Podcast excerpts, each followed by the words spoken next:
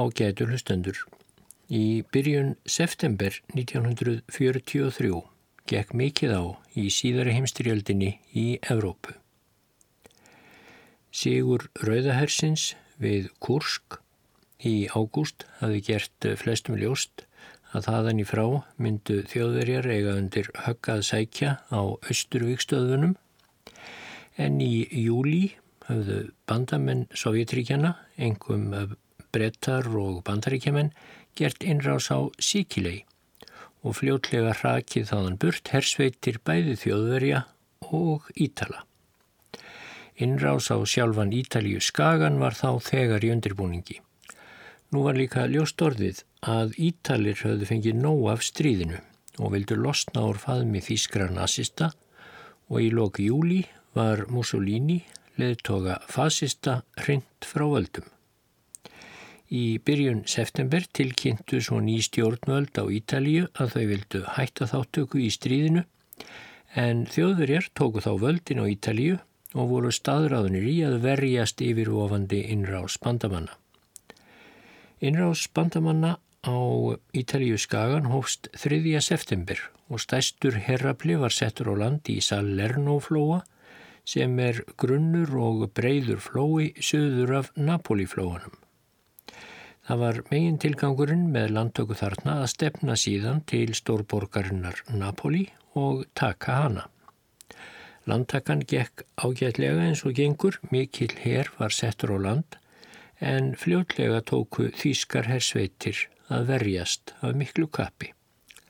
Um borði í einu skipana sem stemduða landi var tólfmannadeild úr breskri upplýsingasveit sem bandaríski fymti herin svo nefndi hafði fengið að láni til að afla upplýsinga og sinna eftirliti á hernundum svæðum Ítalju og einn tólmenningana var Norman nokkur Lewis, 25 ára Walesmaður sem setna skrifaði frábæra og mjög merkilega bók um herrferðin á Ítalju og hún er ekki síst merkileg að því Lewis fór síður en svo í felur með að framferði herrmanna og herrfóringja bandamanna hafi ekki næri alltaf verið til fyrirmyndar, skulum við segja.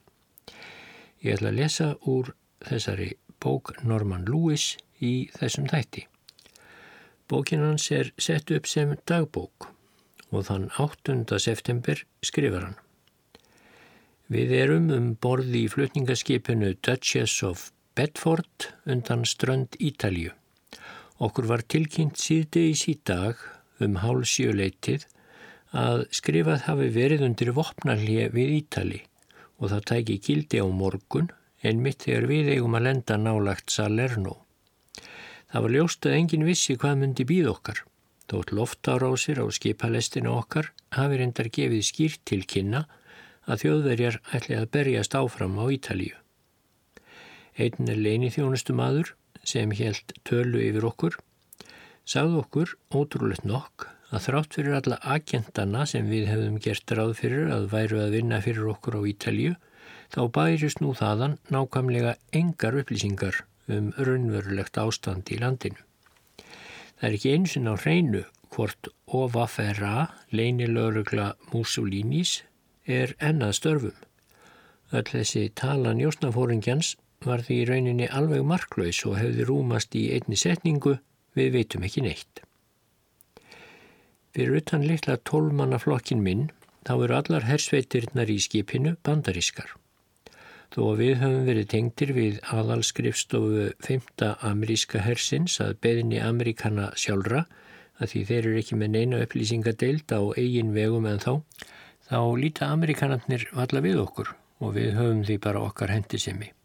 Einu amerikanarnir sem hafa einhvern áhuga á okkur eru nokkur pókerspilandi liðþjálfar sem sennilega spiluðu í sínu borgarlega lífi pókerað atvinnu á fljótabátunum á Mississippi og þeir tóku sér fyrir hendur að losa mig vel og samviskusamlega á hálftíma við alla þá fjárhæð sem ég hafði unnið í póker síðasta hálfa árið. 9. september. Við lendum á Rauðuströndinni svo kalluðu fyrir neðanbægin Pestum við Salernoflóa um sjöleitið. Bærin er um 35 km sunnar á ströndinni en Salerno.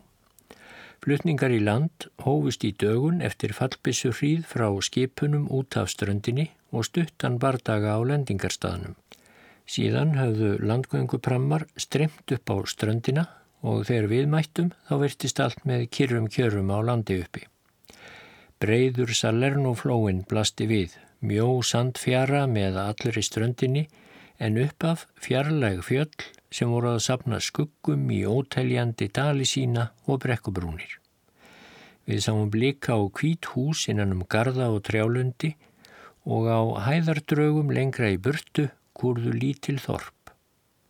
Hér og hvar reysu reykjarmekkir til heimins, virtusnæri reyfingar lausir en vottuð þó um að í þessu landi geysaði stríð. Þó var hildarmyndin svo fögur og friðsæl fallegt síðsumardegi á frægri strönd úr fornum sögum. Við drösluðum mótorhjólunum okkar úr landgönguprammanum, þau fóru greiðlega í gang og við spóluðum yfir výraflækjunum sem höfði átt að vera til varnar á ströndinni og flýtum okkur í skjól af skólendinu upp af fjörni. Líkum þeirra amerísku félag okkar sem höfðu fallið fyrir um daginn hafði verið raðað í snirtilega röð á ströndina, svo snirtilega að það var eins og þeir væru tilbúinur í hersýningu frammi fyrir döðanum. Við vorum ellefu, tíu liðþjálfar og einn yfirliðþjálfi. Kartrætt höfðusmaður hafði átt að stýra upplýsingadeildin okkar en hann hafði slasast illa í bílslýsi daginn áður en við vorum settir um borði í skipið og var því vendanlega enn í óran í allsýr þaðan sem við lögðum upp. Við höfum ekki fengið nokkrar einustu skipanir eða fyrirmælu um hvað við ættum að taka okkur fyrir hendur þarna og í augum Amerikanana virtumst við reynlega ekki vera til. Þetta var mesta innrásin af sjó í stríðinu fram að því, sennilega bara svo mesta í sögu mannsins yfirleitt og á sjóndeildarhingnum voru óteljandi skip en við, við vorum jafn ráðviltir og gagslausir eins og smábörn tínd í skógi.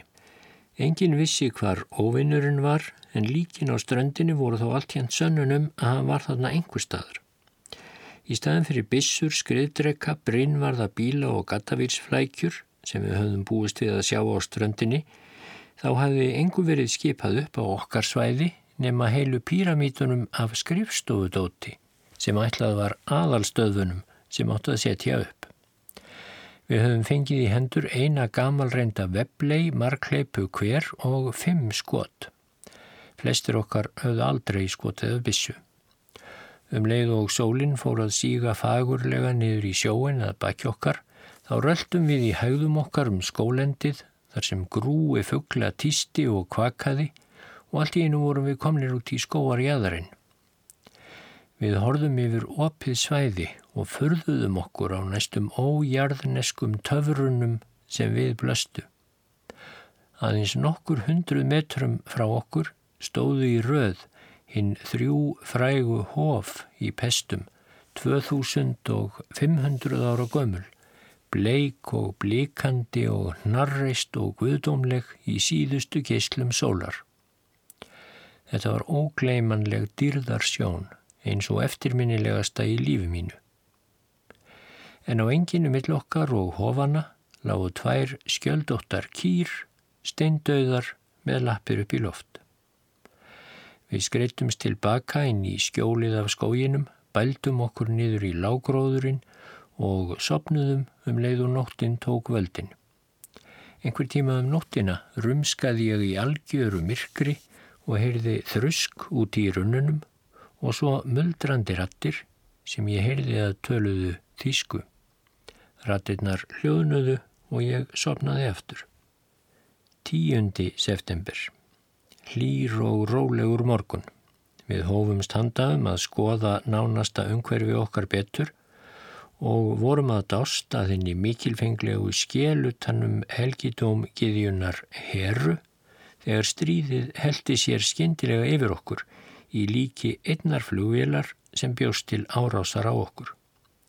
Strax um við heyrðum til flugvélarinnar skriðum við í skjólundri dýrasteini.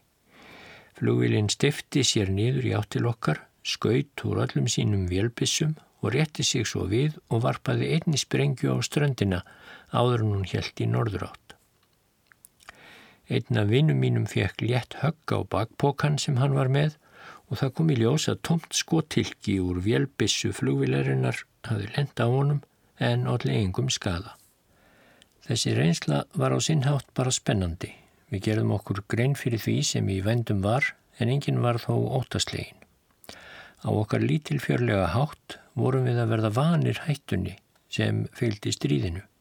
Einhver fínleg varnar viðbröð voru komin af stað í taugakerfinu og taugarnar þegar búinar að sætta sig við og byrjaðar að læra á það örgisleysi og hættu ástand sem nú yrði okkar hlutskipti á næstunni. Þetta var í sjálfu sér ágætt en átti svo sannarlega ekki við um suma af amerísku dátunum sem við hittum nú þarna í pestum og nákrenni. Þeir voru margir alveg óreindir og hafði verið skipað þarna upp beint úr hinnum eilífa fríði og áhyggjuleysi sem ríkti á stöðum eins og Kansas eða Wisconsin.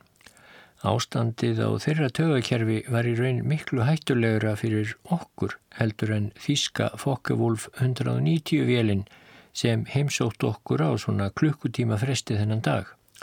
Þræl vopnaðir amerískir sveitaguttar voru sífelt að byrtast undan limgerði og ótuða okkur riflum sínum og krafðust þess með öskrum og óhljóðum að við gefum þeim upp likilorð sem enginn hafði þó haft fyrir því að upplýsa okkur um. Að öðru leiti erum við ennað mestu einir í heiminum hér á strandinni. Einhver staðar hljóta að geisa orustur en það eina sem við fáum að vita um þær er orðrómur sem flögrar til okkar þegar við stöndum í halarófu eftir einhverju að geta í hátteginu eða á kvöldin. Þegar yfir líþjálfin okkar reynir að nota tækifærið á matartímum til að fá einhverjar upplýsingar eða fyrirskipanir frá skrifstofuliðinu, þá veifar það honum bara frá sér. Svo við erum í rauninni alveg lausir og liðugir og megum bara dund okkur við það sem okkur sínist. Þetta er samt svolítið einmannalegt. Mín prívat einsemd er svo enn meiri, einsemd innan einsemdarinnar. Því sem nýliði í þessari deilt þá er ég óhjákvæmlega svolítið utangarðs. Þessir strákar sem ég hef ekki þekkt nema í innan við viku, þeir hafa verið saman gegnum Norður Afríku herrferðina alla og þó þeir hafi kannski átt ítla saman í byrjun, þá er þeir nú orðnir svo slípaður í innri samskiptum að þeir líkjast mest litlu leinifélagi. Þegar eitthvað bjátar á, læsa þeir saman skjöldum og fari í varnarstöðu, en í byli er ég en þá ókunnugur. 11. september Aðalstöðvar 5. hersins hafa nú verið fluttar einhverja 10 kilometra og minnflokkur með þeim, eins og það bjargarlösa sníkjutýr sem við erum í raun og veru. Við erum komnir að Albanella, hjáttbröytarstöðinni, rétt fyrir sunnan ána seli. Stöðin er á unaðs reyt, þar er alls konar landslag, eplagarðar sneisafullir af ljómandi ávöxtum, vínekrur og ólífulundir, þar sem glóandi bláar engisbrettur herja. Í nokkur hundru metra fjarlagð flytur brú bæði vegin og hjáttbröytarsporin yfir ána. Brúin hefur orðið fyrir nokkrum skemdum og hópur af breskum verkfræðingum er mættur til að gera við hana. Svo við gerum ráð fyrir að fyrir eða síðar verði okkur ætlað að halda yfir þessa brú til sóknar. Rúmum 20 kílometrum fyrir norðan okkur sjáum við gráleita nökra á annars óaðfinnanlegum bláum himni og gefur til kynna að þar geysi bardagi sem við annars hvorki heyrum nýja sjáum og verðist óra fjarrri því ilmhöfka sæluríki þar sem við höldum nú til.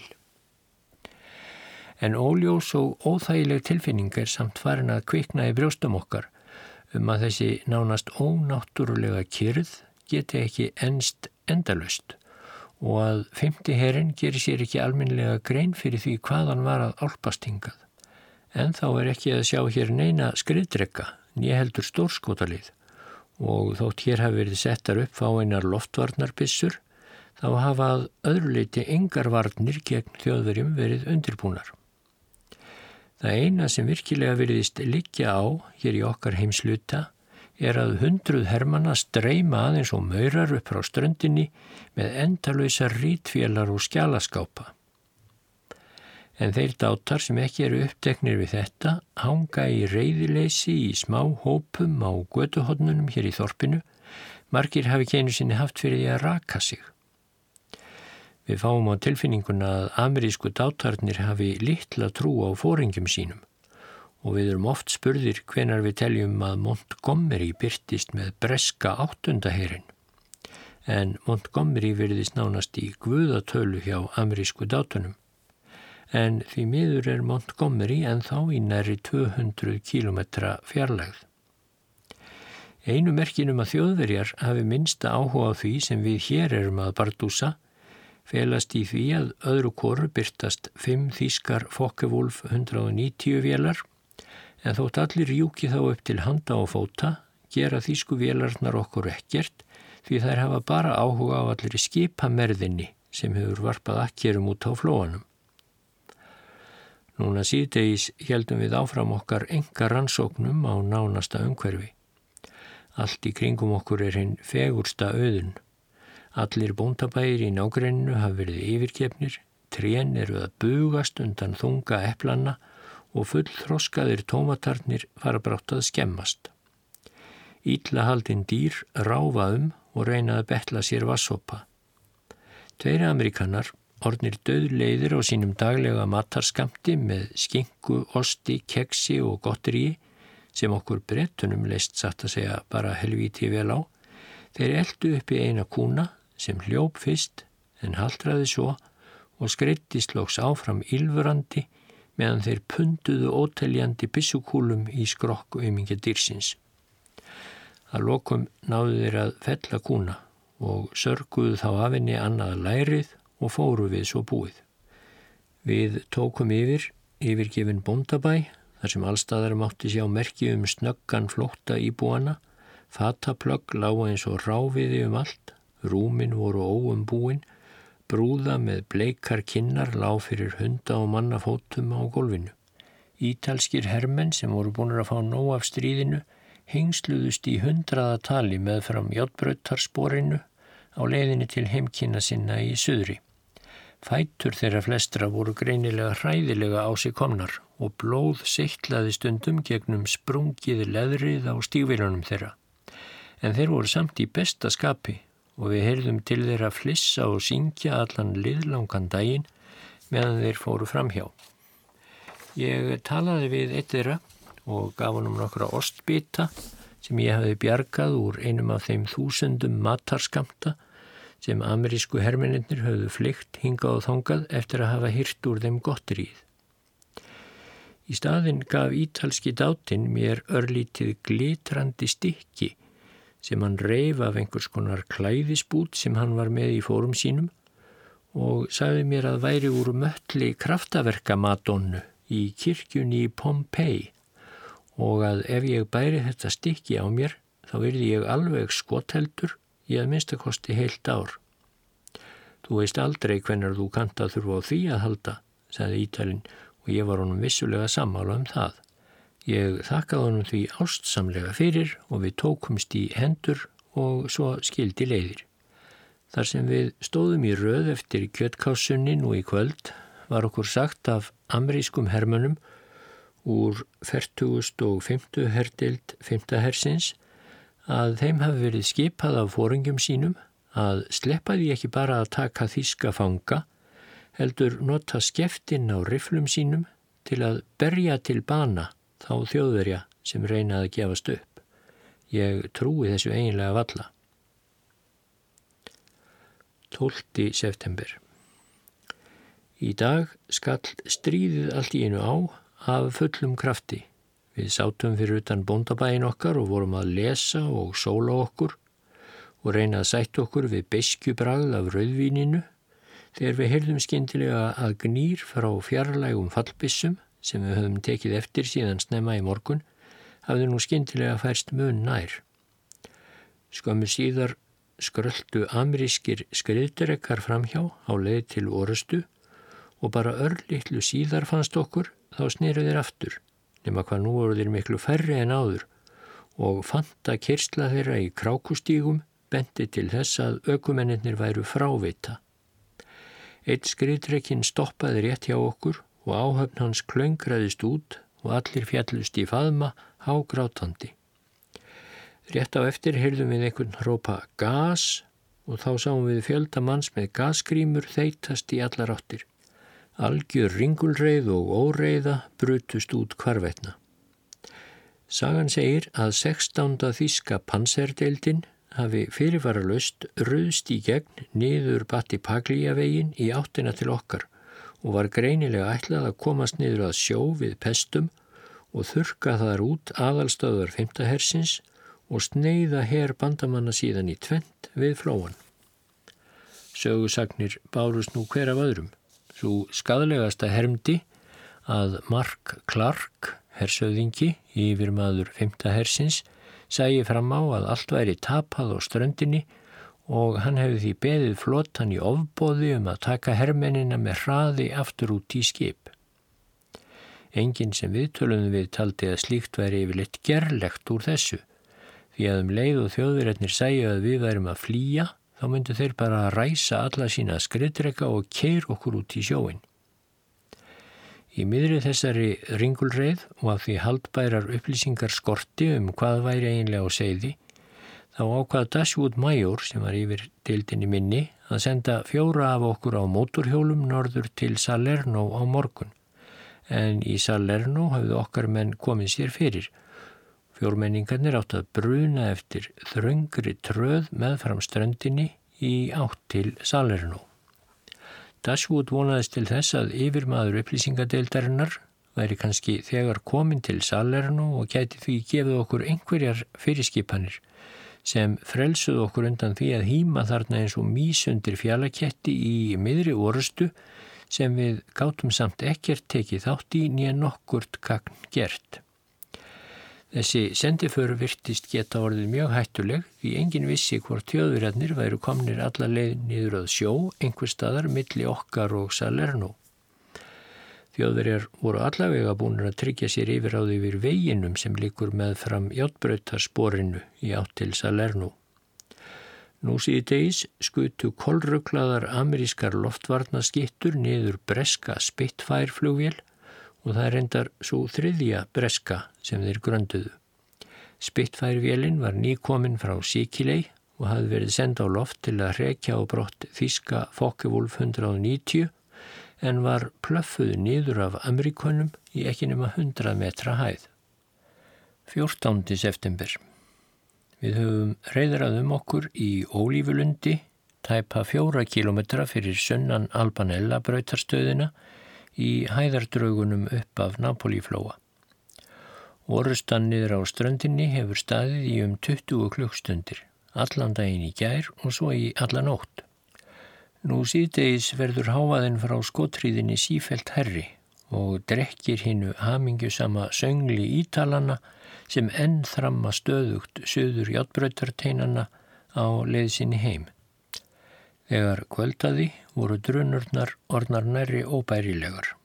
Þýskir skriðdrekar sem brutu sér leið eftir landtungunni millir fljóttanna Sele og Kalóre á leiðsinni að Albanella stöðinni, þeir voru komnir svo nærri að þeir voru bara rétt utan sjónmáls úr þeirri orhjálegu skotgröf sem við höfum flýtt okkur að grafa.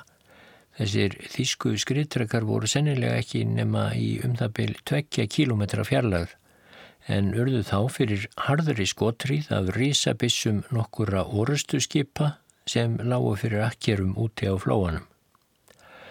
Í hvert sinn sem orustu skipin skutu sínum mörg hundruð kílóa þungu kúlum úr 15 tommu aðalbissum sínum þá þyrrluðust enginnisbúningarnir okkar til í loftkvirlinum sem kúlurnar skildu eftir sig þegar þær þutu hjá. Kvöldmirkrið í norðri var nú rofið af eins konar grottalegum geyslabög af flugeldum sem reys og neig og öðru korur blossaði upp gríðarleg sprenging eins og bleikur sæfívill með yðandi fálmara úr eldi. Um elluleitið nú í kvöld kom æstur amrískur liðsforingi brunandi á jeppa sínum og útbýtti meðal okkar léttum riflum sem við áttum að hafa okkur til verndar í nótt. Hver okkar fekk einn rifil en Amerikanin sað okkur að við skiluðum ekki allir riflunum í fyrramálið er þið litið á það sem alvarlegan glæp. Með þessum litlu riflum og veblegi 38 markleipunum okkar áttum við að verja aðalstöðvarnar gegn þýskum markfjögur og tíkerskriðdregum sem væru nú að brölda gegn okkur. Það sem þessi liðsfóringi sagði okkur ekki var að hann og hinn liðsfóringjarnir voru svo lítið bara á að hafa sig allir á brott en þeir skildu menn sína eftir í súpunni. Allserjar panik var nú brostin á og breytist hratt út meðal amerísku dátana sem voru skildir eftir. Allt í einu urðuðir sannferðir um að þýskir fótgöngulegar væru komnir inn á meðalokkar og fóru þá að skjóta hver á annan og ég heyrði hræðileg neyðaróp mannana sem urðu fyrir skotum. Við í upplýsingafloknum kurðum okkur niður í skotgröfinni undir bleikum flóttalegum laufum ólífutrjána og fylgdumst með þegar sprengikvellinir og eldblossarnir færðust sífælt nær og þannig leið nóttin lötur hægt. Svo um fjöguleitið um nóttina þá fréttum við að það ætti þrátt fyrir allt að yfirgefa aðalstaðvarnar og því ætti ekki að fórna okkur til að verja þær. Við störtuðum motorhjólunum okkar Hjaldum okkur eins nærri brinnvarða bílnum sem hafði fært okkur fréttinnar og kostur var og fyrir einhverja guðs miskun þá sluppum við við örvendingarfulla skotríðina sem dundi á úr öllum áttum frá okkar eigin mönnum sem skutu í örvendingu og allt kvikt og loks lendum við á akri þar sem heil haugur af ofsarrættum og ringluðum dátum helt til. Liðsfóringjarnir voru hér og hinn er óbreyttu þar. Ekki efast ég eitt andartak um að opimberum sakfræðingum hersins muni á endanum takast að lýsa þessum hluta orðstunnar um Salerno af tilhýðilegum hátileik. Það sem við sáum var hins vegar tóm vanhæfni og heigulsáttur sem seittlaði niður til hinn óbreyttu frá aðalstjórninni og afleiðingin var algjört ruggl. Ég mun hins vegar sint skilja Akkur þjóðverjarnir grip ekki þetta tækifæri til að ganga gjörsamlega frá okkur. 15. september Fyrir eitthvert kraftaverk þá tókst Múr Liðjálfa, einum fjórmenningana sem sendir höfðu verið til Salerno, að ná til okkar aftur. Það var æsileg ofsa reið á jeppa næri 20 km leið og allan tíman meðfram orustu sem geisaði af miklum krafti.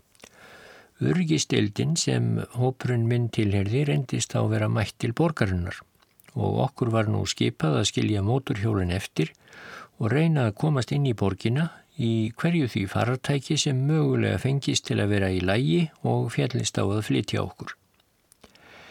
Eftir langar samningaviðræður tókst Dashwood að útvega fóringjabíl en á síðustu stundu var okkur sagt að það var ekki nóg plás fyrir okkur. Setna sáum við fórengjabílin leggja upp, tróðfullan af vínföngum fyrir yfirmennina. Fallbissu skottriðin hefur haldið áfram í allan dag en það hefur samt dreyið örlítið úr drununum. Margir dátana sem við mætum hér ráfandi um hafa ekki minnstu hugmyndum hvar liðsfóringjar þeirra eru niðurkomnir en flestir fóringjana hafa ekki sést síðan þjóðverjar hófu gagnsókn sína. 17. september. Þeir sem eftir eru af liðsabla örgistildarinnar hafa nú alveg gefist upp á tilraunum til að komast til Salerno. Ég gati ekki séð að neitt væri því til fyrstöðu að ég færi í útsýnisferð. Ég ók á móturhjólinu mínu upp að þorpinu Capaccio í hæðunum hér upp af ströndinni.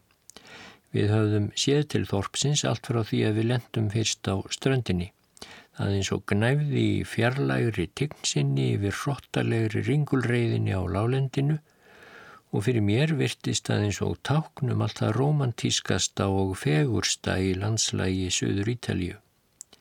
Í návíi var tignþorpsins ég vel enn höfugri en ég hafði búist við. þjett og flókin byggð af litlum snjókvítum húsum og flenni byrta.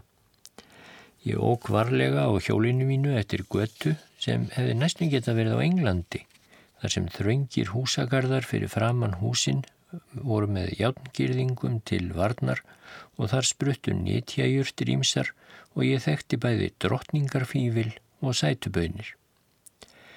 Friðsæld þessa þorps eftir fjögur að daga orustu dýn í næstan ágrenni var ótrúlegur. Tvær gamlar svartklættar konur kvísluðust á. Þær voru bersýnilega að skiptast á kæftasögum um nágrannana, miklu frekar en að þær væru að ræða tíðindi úr stríðinu. Og gamal maður með sítt, hvít skegg, svo hann líktist helst ítölskum jólasveini, nema hvað skakt smeðjulegt brós eðilagði hildarmyndina, hann satt við borð við gardslið sitt og seldi vín. Ljóst mátti vera að bæjarbúar voru nú orðnir vissir um að þjóðverjar hefðu verið hraktir burt fyrir fullt og allt. Því þegar hann sá mig lift hann strax skildi þar sem stóð Vivonogli Aliati, lifi bandamenn. Ég stoppaði hjá honum, kefti vínglas sem líktist helst bleki á litin og reyndist líka bragðast eins og blek. Ég spurðan hvort einhverjir þjóðverjar væru enn á þessum slóðum og þá skæl brostan á heldur óþokkalegan hátt. Svo stóð hann upp og benti mér að koma á eftir sér inn í húsnefnuna hans. Þar lág hreyfingarlaus maður í hægindastól, höfuðið var í afkáralegari stellingu niður á bringu. Þetta var í fyrsta sinn sem ég sá þjóðverja og hann var döður.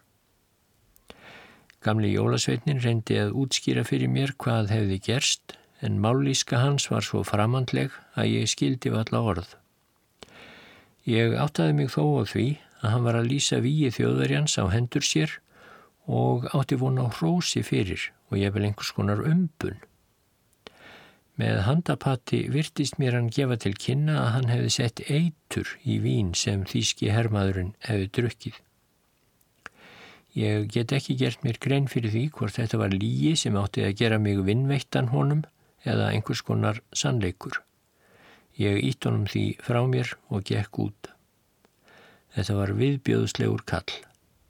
En á sinnhátt var hann, grunnaði mig, ákjætt vísbendingum hvernig þær máttu nú heita framtíðarhorfur þjóðverja á þessum slóðum stríðsins.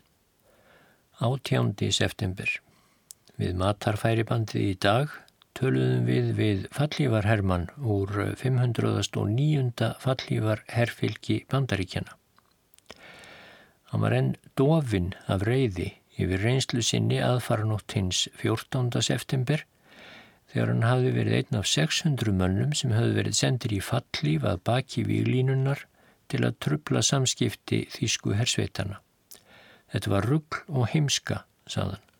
Þeim hafi verið ætlað að ná afi línóbrúnni og jarðgöngum þar en sömarflugviljana settu menn sína út 40 kílometrum frá skotmarkinu en aðrar höfðu sett út sínafallífarmenn yfir háum húsum í sjálfum afi línóbænum og þegar sumum þeirra tókst ekki að losa sig nóg rætt úr fallífunum þá röpuðu þeir til bana. Þeir sem eftirlifðu eins og þessi dáti eru fullir beskju í gard yfirmanna sinna. Setni partinn heldum við 2-3 kílometra upp eftir veginum til Batti Paglia en höfðum varan á okkur. Stuttu eftir að við fórum yfir brúna til Sele sáum við þó nokkra þíska skreitrekka sem höfðu verið næstum því búin að ná alla leiðina til okkar nóttina þann 14 en höfðu þá á síðustu stundu verið stöðvaður af skotrýð frá stóru herskipunum úti á flóanum. Nokkrir skriðdrekkana lágu ofan í eða við risastóra gíga eftir sprengikúlur orustuskipana. Einn skriðdrekkin hafði brunnið af svo miklum ofsa að innilokuð áhafnin bráðnaði og stórheflis fytublettur hafði breyðst út undir flaki skriðdrekkans og var nú alþakinn bráðfallegu flugnageri af öllum stærðum og gerðum.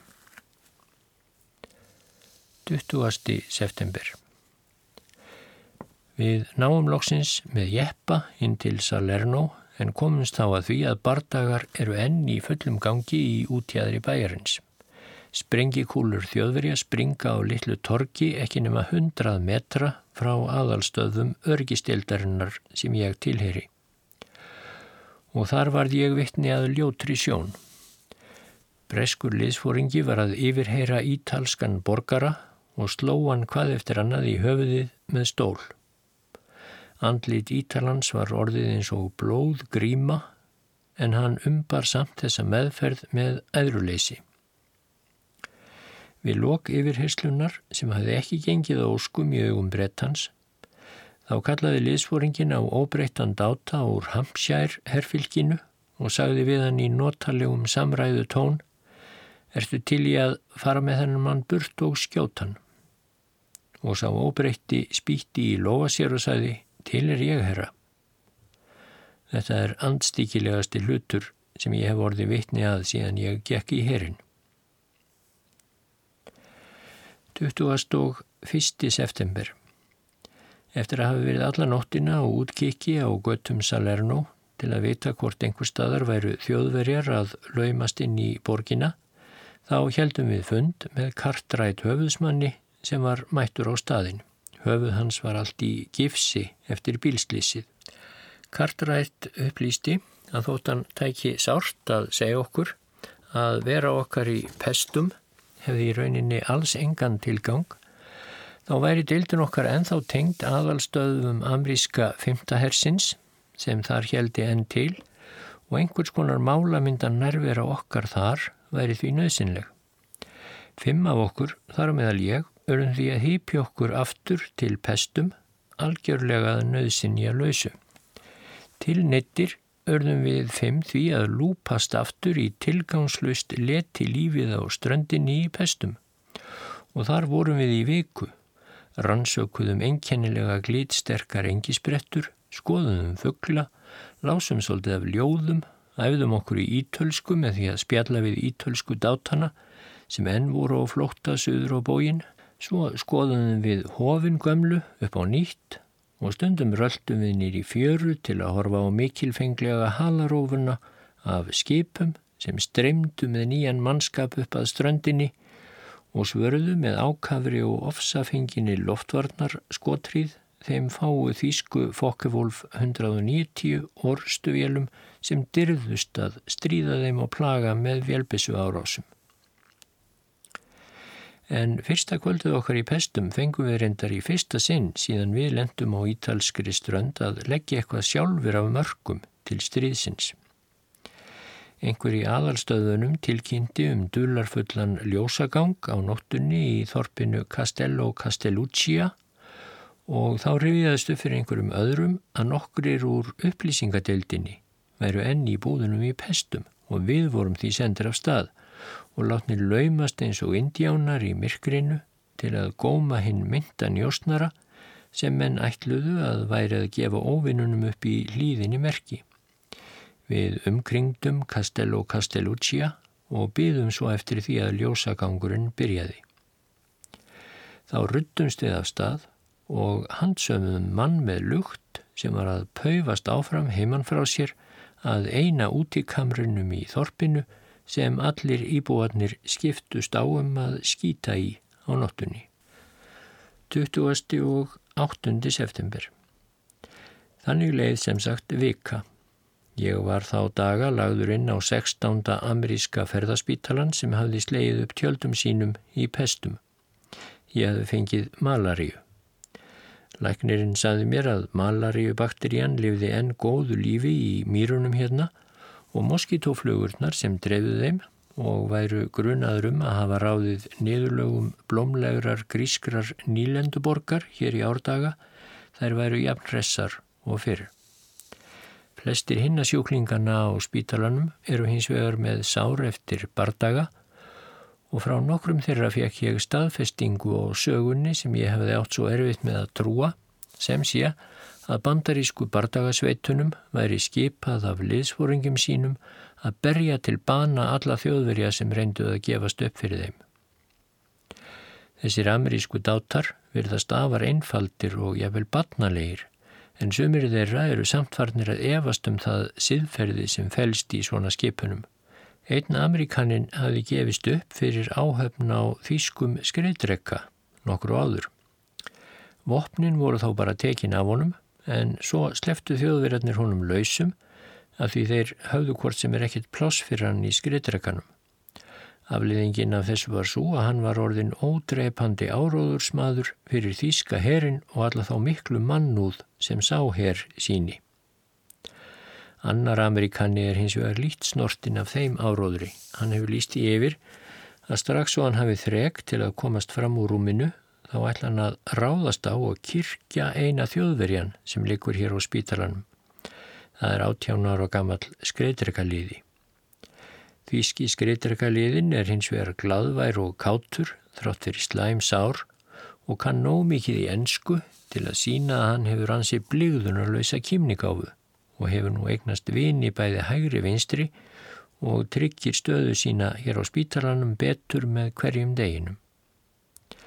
Þeir sem liggja hér í spítalatjaldinu er að minnstakosti 200 og sannarlega misjafn sögður í mörgu fjö. Eitt er að starfaði sem alþýðu prétikari áður en hann gekk í herin og helt um daginn það sem eiginlega er ekki hægt að kalla annað en vakningarsamkomu.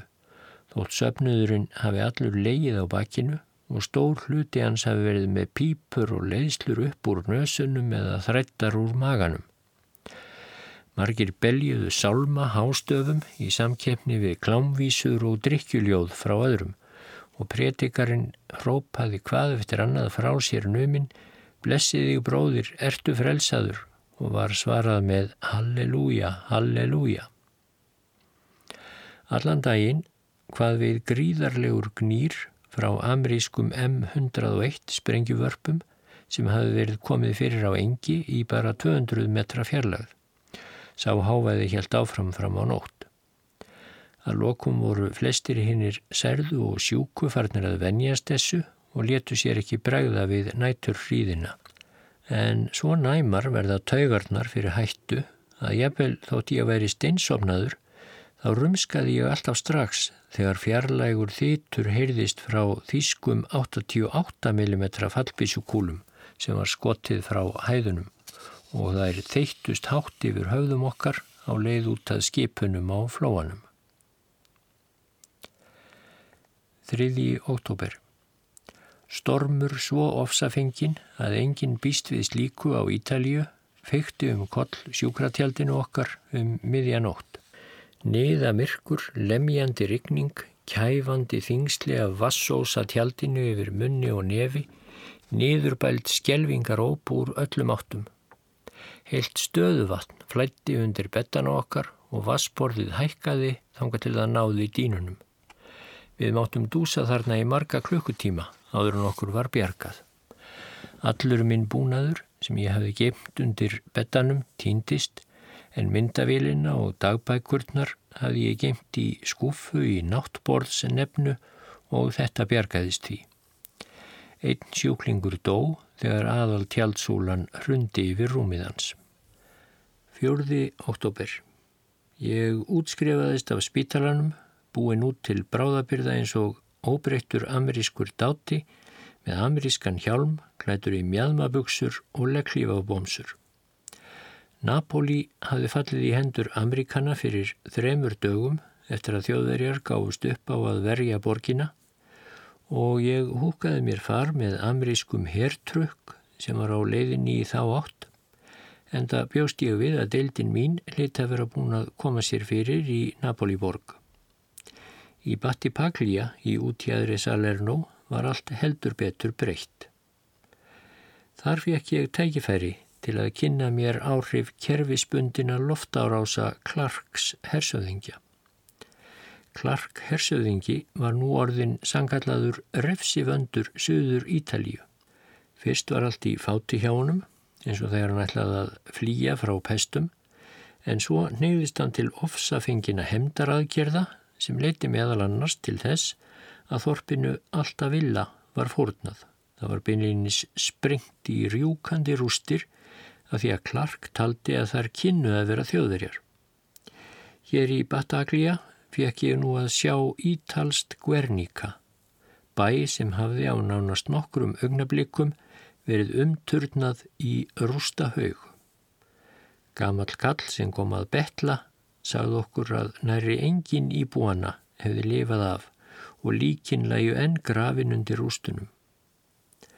Miða við fnikin sem lagði frá rústunum og flugnasveimin sem strimdi inn og út úr hólum í þessum rústum eins og svartur reykur, þá trúði ég því bara mjög vel.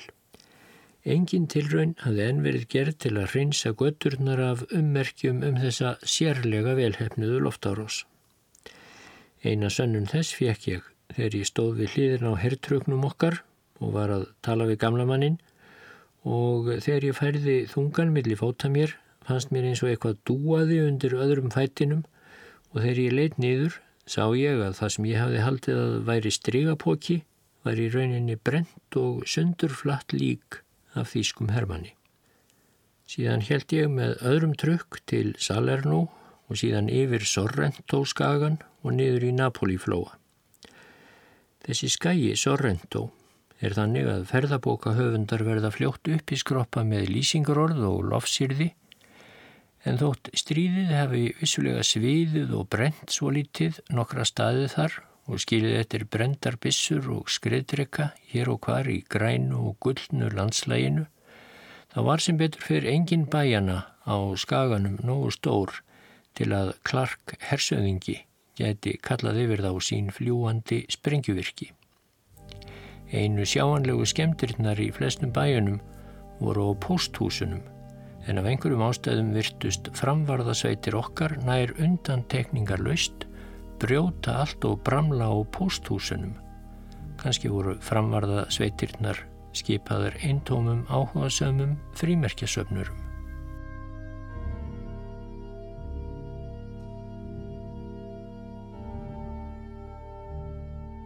Áfram held ég svo að lesa úr stríðisminningum Norman Lewis í næsta þætti.